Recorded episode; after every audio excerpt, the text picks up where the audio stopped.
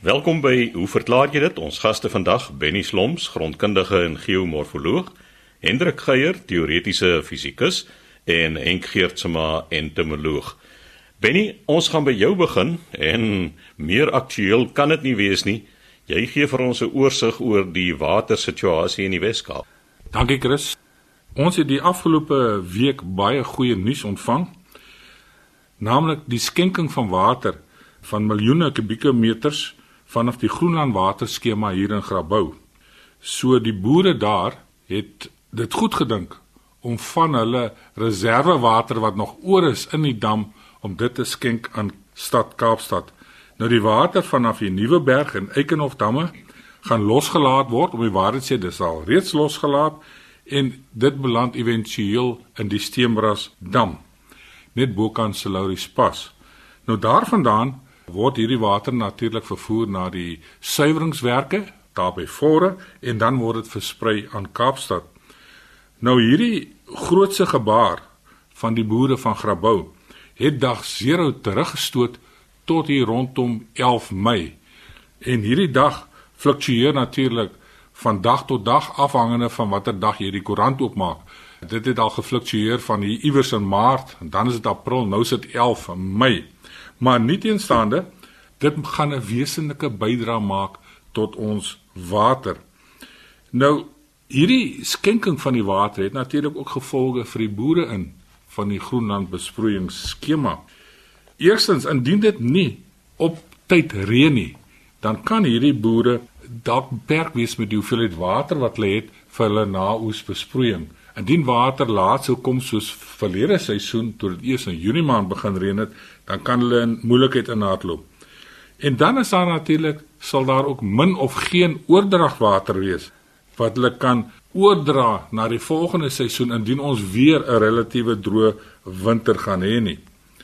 Nou, hier sit so duiweltjie agter my oor wat vir my sê, "Jong, hierdie water wat stad Kaapstad nou gratis gaan kry van die boere, ons praat van miljoene kubieke meters water, die gaan Kaapstad verkoop vir net so oor die R7 per kubieke meter."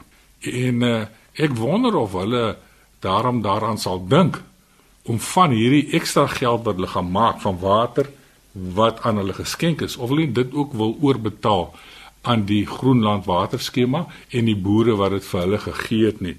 Ek sal nie my asem ophou nie, maar ek hoop dat iemand daar in die stadsraad sal dink daaraan om die boere te vergoed.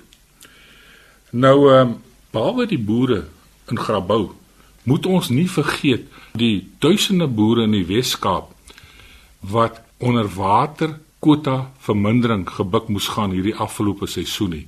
Kwotas is 'n sny enigiets van 50 tot 80% en daardie boere moes met daardie water uitkom, hulle moes planne beraam, hulle moes water gaan soek het op 'n plek wat hulle nie wou gebruik het nie, dalk laer kwaliteit water net om hierdie seisoen te kan oorleef. Maar hulle het dit gedoen sonder om te mor. Ek kan nie onthou dat ek een berig in die pers gesien het waar boere optogte gereël het, strate versper het, klippe en brandende bande in die paaie gepak het en getooi tooi het nie. So hulle is vir ons werklik 'n voorbeeld vir hoe 'n mens deur 'n krisissituasie kan gaan. En ek dink nie ons boere kry genoeg erkenning vir wat hulle doen nie. Hulle is eintlik die onbesonge helde van hierdie hele waternood wat ons hier in die Wes-Kaap het. Hulle verdien ons dank meer as wat hulle wel kry. En dan Chris, het ek nog 'n paar klippies oor water in Kaapstad hier in my skoen. Soos die luisteraars sal weet hier van die Wes-Kaap is daar die afgelope paar weke, 2-3 weke, 'n ongekende toestroming na supermarkte en hipermarkte om gebottelde drinkwater te koop. Dit is absoluut chaos indien jy daardie winkels gaan besoek. Daar staan rye van hierdie pallette met gebottelede water en die trollies word gepak dat daardie ou ooms en tannies dit beswaarlik kan stoot. Ek het ver oggend op pad hierheen deur 'n winkel gestap hier op Stellenbosch waar hulle groente verkoop en ek sien die prys van hierdie gebottelede water is so R19 vir 5 liter. So dit is nie goedkoop nie. En ek het al met mense gaan praat wat daar in die rye staan sê maar luister net wat gaan jy maak met hierdie water? Kyk jy my so snaaks en sê maar weet jy nie van hierdie watertekort wat ons in die Wes-Kaap het nie? Weet jy nie ons water gaan opraak nie? Nou my vraag aan almal wat luister vanoggend is: Menere, dames, ooms, tannies, oupas, oumas, as jy water wil opgaar om te drink, al die krane loop nog in al die huise hier in die Wes-Kaap. Hoekom maak julle nie julle houers vol tuis uit die kraanwater uit nie? Dit is presies dieselfde water wat julle die afgelope jare gedrink het waarmee jy groot geword het en dit is absoluut van hoë kwaliteit. Hoekom van supermark na supermark jaag om te kyk waar is gebottelede water beskikbaar? Al die energie wat daarin gaan, al die kostes wat daarin gaan, maak jou houers vol met water in jou kombuis. En as jy nie 'n houer het nie, dis baie goedkoper om houers te gaan koop as om hierdie gebottelede water te koop. Dan 'n tweede klippie. Jy kry restaurante wat nie vir jou water wil gee as jy daarvoor vra as jy gaan sit nie of hulle gee vir jou beperkte hoeveelheid. Nou ek is 'n man wat uh, van tyd tot tyd hoofpyn kry en ek bestel my gewone kraanwater met 'n ysie daarin voordat ek begin eet. En toe kom die kelner daaraan met 'n klein glasie 200 ml water. Ek sê en dit nee sê dit is die beleid van hierdie restaurant dat ons moet water spaar en dit is al wat jy kry. Jy kry net hierdie een glasie 200 ml water. Ek sê ja. Ek sê sê gou vir my waar is julle badkamer en hy sê ja, seker daar meneer, stap daarin. Jy stap daarin. Jy trek die kraan daarso en jy gebruik tussen 4500 en 5000 ml water. 4.5 tot 5 liter water. Nou daaroor jy geen haan nie en nou het geen probleem daarmee nie. Jy kan 3 keer na die badkamer toe gaan en die toilette gebruik. Maar hier aan tafel kry jy net 200 ml water. Nou die derde klippie en dit het my totaal oorstuur. In die strand is daar so 'n koffierestaurant plekkie daar teen die see en ons sit daar en ek vra weer eens vir water. Sal die kelner my nou nie vertel dat nee, ek kan nie water kry nie want die water in hulle krane maak mense siek. Ek sê wie sê so? Nee, die eienaar sê so. Nou ja, dit is net so goed jy hou 'n rooi doek voor 'n bil. Ek het goed gesê wat ek nie moes gesê het nie. My vrou was vir my kwaad en sy wou toe nie meer met my praat nie. Maar sulke twak doen die ronde.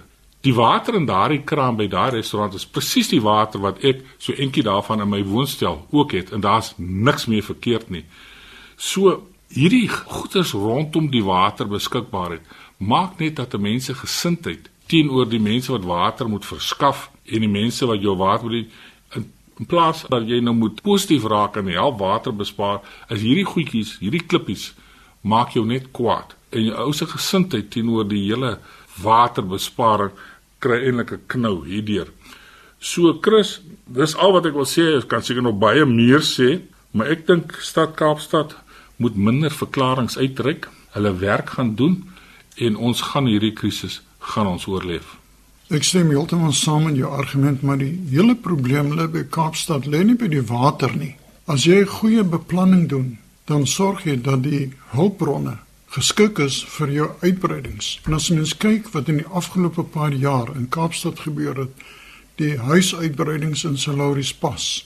As mens kyk tussen Parklands daar by Melkbos Strand tot teen die N7 word daar huise gebou. Waar is die infrastruktuurbeplanning? Het hulle beplan dat daai mense ook gaan water kry? En as jy 'n huis bou, weet mense hoeveel water jy nodig het. Die ander ding is ook wat vir my opvallend is in die Kaap, golfbane en sportvelde is nog grasgroen. Hoe werk dit? Ja, ons hoop ons ontvang binnekort 'n antwoord van die stad Kaapstad op daardie vraag. De Hendrik Geier, teoretiese fisikus, Hendrik, jy gaan gesels oor ewigdurende beweging. Ja, dankie Chris. Ons uh, slaan maar oor na 'n ander noot en ek reageer hier op 'n uh, eh, e-pos wat ons van Gerard Dippenaar van Pietermaritzburg gekry het. Uh, hy begin met 'n stelling waar hy eenvoudig sê 'n natuurwet lui dat ewigdurende beweging nie bestaan nie. En dan gaan hy voort om te verduidelik dat as 'n mens nou kyk na die draaiing van die aarde rondom sy eie as, volgens sy waarneming of stelling sê hy dit bly sedert die begin van tydmeting steeds 24 uur. Hy gaan dan so 'n bietjie verder aan om te verwys na soortgelyke situasies van ander hemelliggame en maane wat om hulle of om die son of om ander planete roteer om dan uiteindelik te vra of ons dan nou nie hier inderdaad met ewigdurende beweging te maak het nie. Nou Gerrit, ek kom terug by wat jy 'n natuurwet noem en die status daarvan. Wat nie waar is nie is dat die aarde se rotasie om sy eie as sedert sy begin nog altyd teen presies dieselfde tempo plaasgevind het. En hierdie rotasie tempo kan deesdae baie akkuraat gemeet word en wat ons weet is dat die aarde al hoe stadiger begin draai teen 'n tempo van 1,7 millisekondes elke eeu. Nou dit klink na iets wat eintlik geen effek het nie. Aan die ander kant as 'n mens nou onthou dat die aarde se ouderdom omtrent 4,5 maal 10 tot die mag 9, dit wil sê 4,5 duisend miljoen jaar oud is, dan kom jy by 'n syfer van ongeveer 2 uur verskil van die beginjare van die aarde tot by nou. Nou wat ons wel weet is dat die grootste bydrae tot hierdie wisseling van die aarde se rotasie tempo het te maak met wat genoem word getywrywing. So die situasie is dat die maan 'n invloed uitoefen op die aarde. Die mees sigbare effek daarvan is die voorkoms van oseaangetye. Soortgelyk oefen die aarde 'n krag uit op die maan wat natuurlik nie water op sy oppervlak het nie. Hulle is lankal by Kaapstad se situasie verby Benny, maar die maan se kors is tog onderhewig aan die invloed van die aarde se gravitasie en daar vind ook 'n verskuiwing in die kors plaas, 'n klein verskuiwing. Die som totaal of die eindresultaat van hierdie toedrag van sake dat die maan en die aarde mekaar wederzijds beïnvloed deur vervorming lei tot wat genoem word getywrywing en die resultaat daarvan is dat die aarde al hoe stadiger begin draai en die maan al hoe verder weg van die aarde af beweeg. Nou, ek het net nog geïmpliseer dat 'n mens hierdie sommetjie van die begin van die aarde se bestaan kan maak as die grootste invloed soos wat ons wel weet en dit is terloops nie die enigste invloed op die wisselende rotasiespoed van die aarde nie.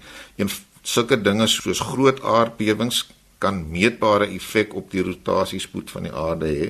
Maar die grootste invloed is inderdaad as gevolg van hierdie getywrywing en dan sou 'n mens moet sê wel, dan moet jy eintlik die sommetjie maak van wanneer die maan daar was en nie van wanneer die aarde begin roteer het nie, maar die nuutste aanduidings is dat die maan kwaliek 60 miljoen jaar jonger is as die aarde. So vir alle praktiese doeleindes kan 'n mens maar die ouderdom van die aarde gebruik om tot die slotsom te kom dat oor die lewensduur van die aarde die dag nou al met 2 uur aangeskuif het.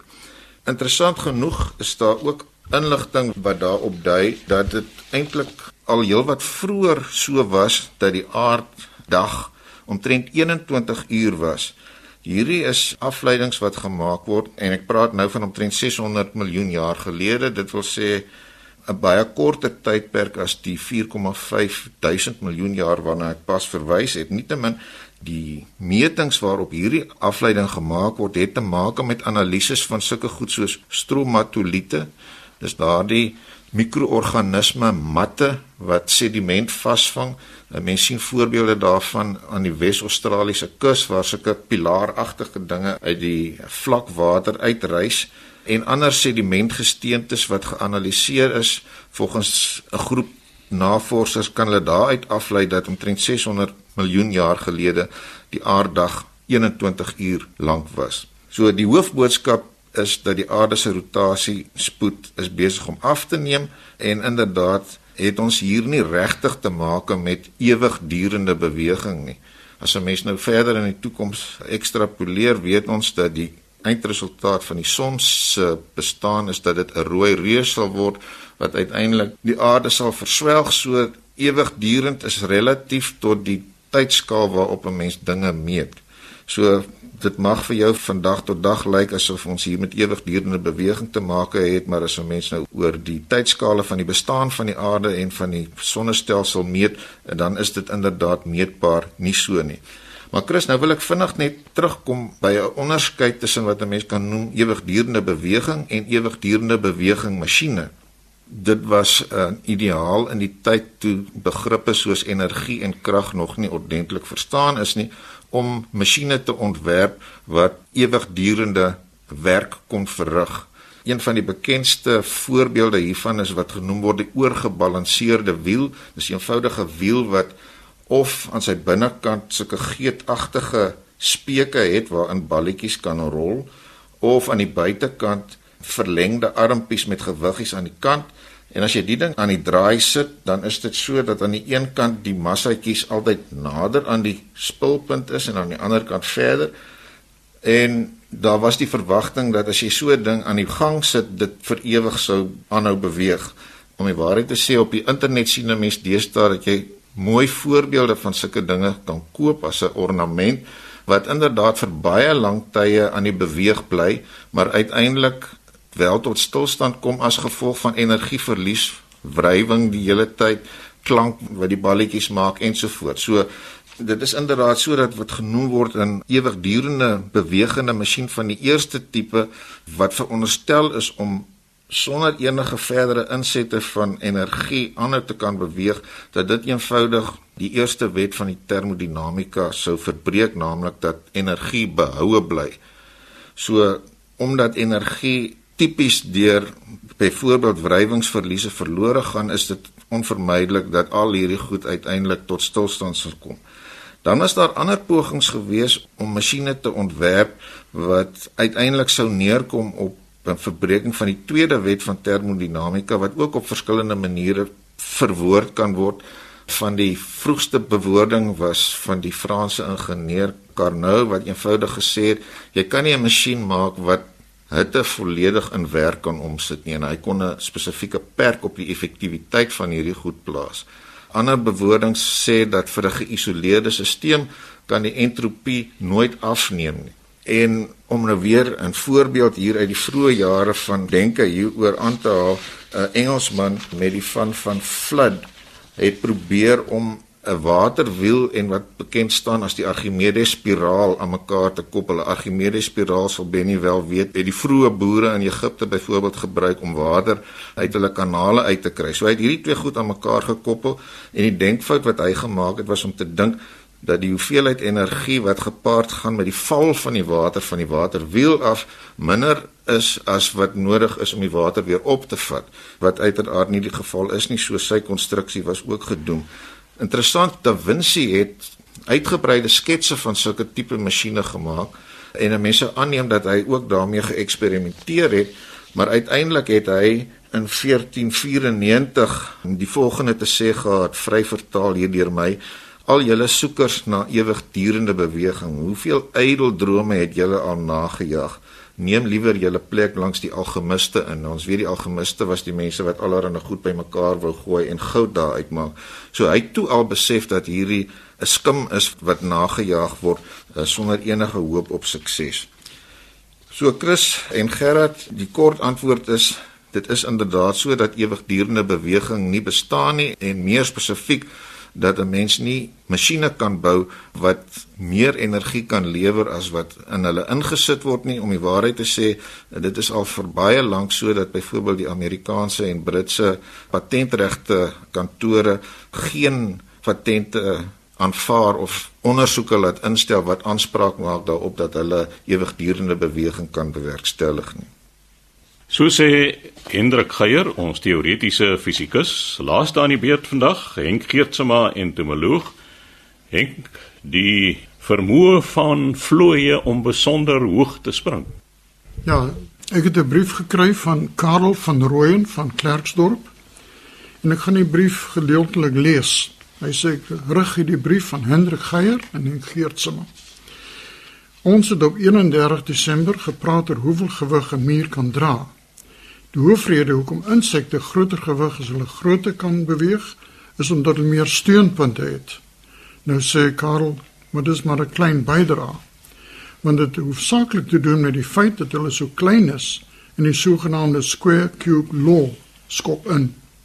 Wanneer 'n voorwerp groter word met 'n kwadraatfunksie, neem sy volume en massa toe met die derde mag. Met ander woorde, 'n voorwerp met 4 keer die deursnee en oppervlakte van 'n kleiner voorwerp het 8 keer die massa van 'n kleiner voorwerp. Dit beteken dat 'n groter voorwerp 'n groter krag per oppervlakte nodig het om dieselfde versnelling te kry as 'n kleiner voorwerp. Nou, Karel, hierdie klink vir my soos uh, dinamika wat ek in fisika 1 geleer het. Jy praat hier van volume en massa neem toe. In die geval van 'n hoendereier, byvoorbeeld wat gevul is tot boordensvol, is dit waar as jy dit vergelyk met 'n volstruiseier wat ook vol is. Maar die ding is, 'n insek is nie 'n hoendereier of ook nie 'n volstruiseier nie. En ons gaan terugkom na jou bewering. Dit is ook een van die redes hoekom vlooie so hoog kan spring.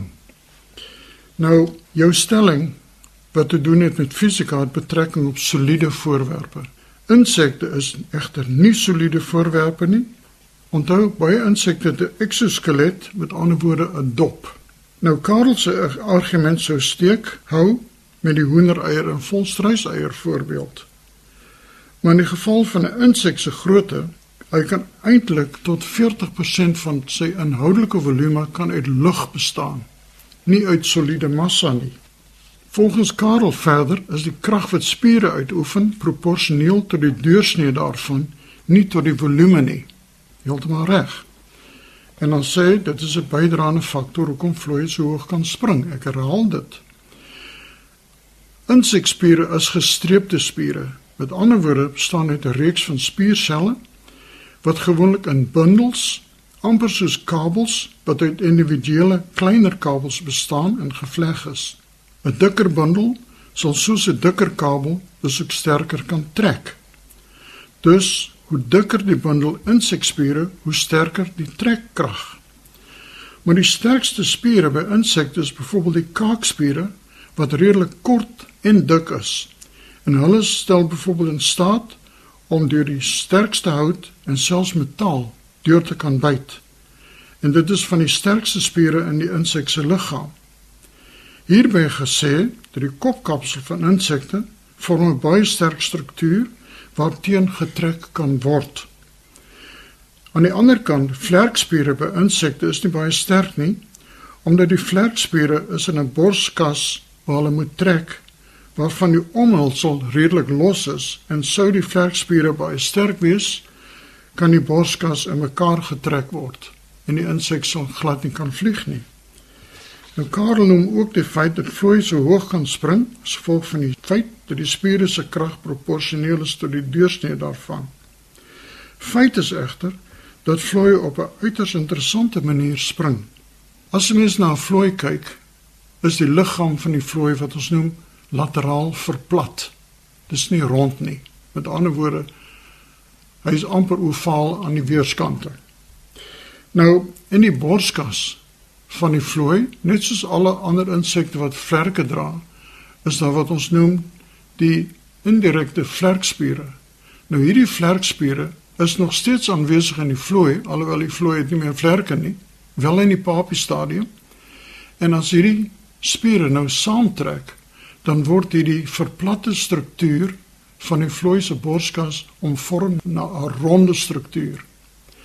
As die vlooi wil spring, dan ontspan dit die spiere en die vorm van die borskas van die vlooi herstel na die laterale verplatte toestand amper soos wanneer mens 'n tennisbal met jou duim plat druk en jy trek jou duim vinnig weg en jy sien die bal spring. Dit is hoe vlooi eintlik kan spring. So hulle spring met hulle vlerkspiere.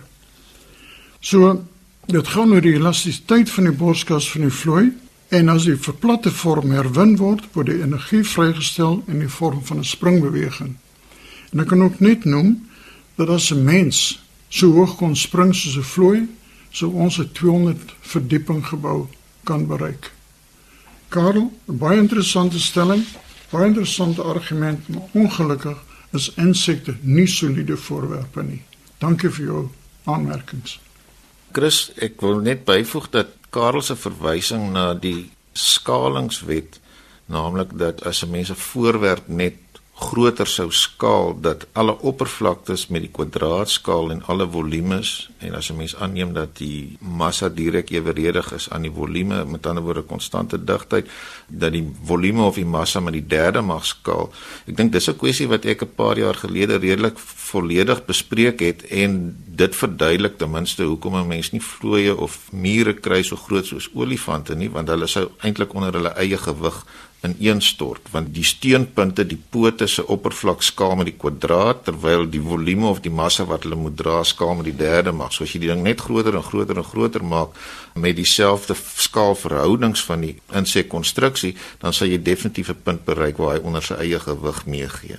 So sê Henk Geertsma, ons entomoloog en Hendrik Geier, teoretiese fisikus. Die tyd het ons ingehaal. Skryf gerus aan, hoe verklaar jy dit? Posbus 2551 Kaapstad 8000 of stuur 'n e-pos aan chris@rsg.co.za.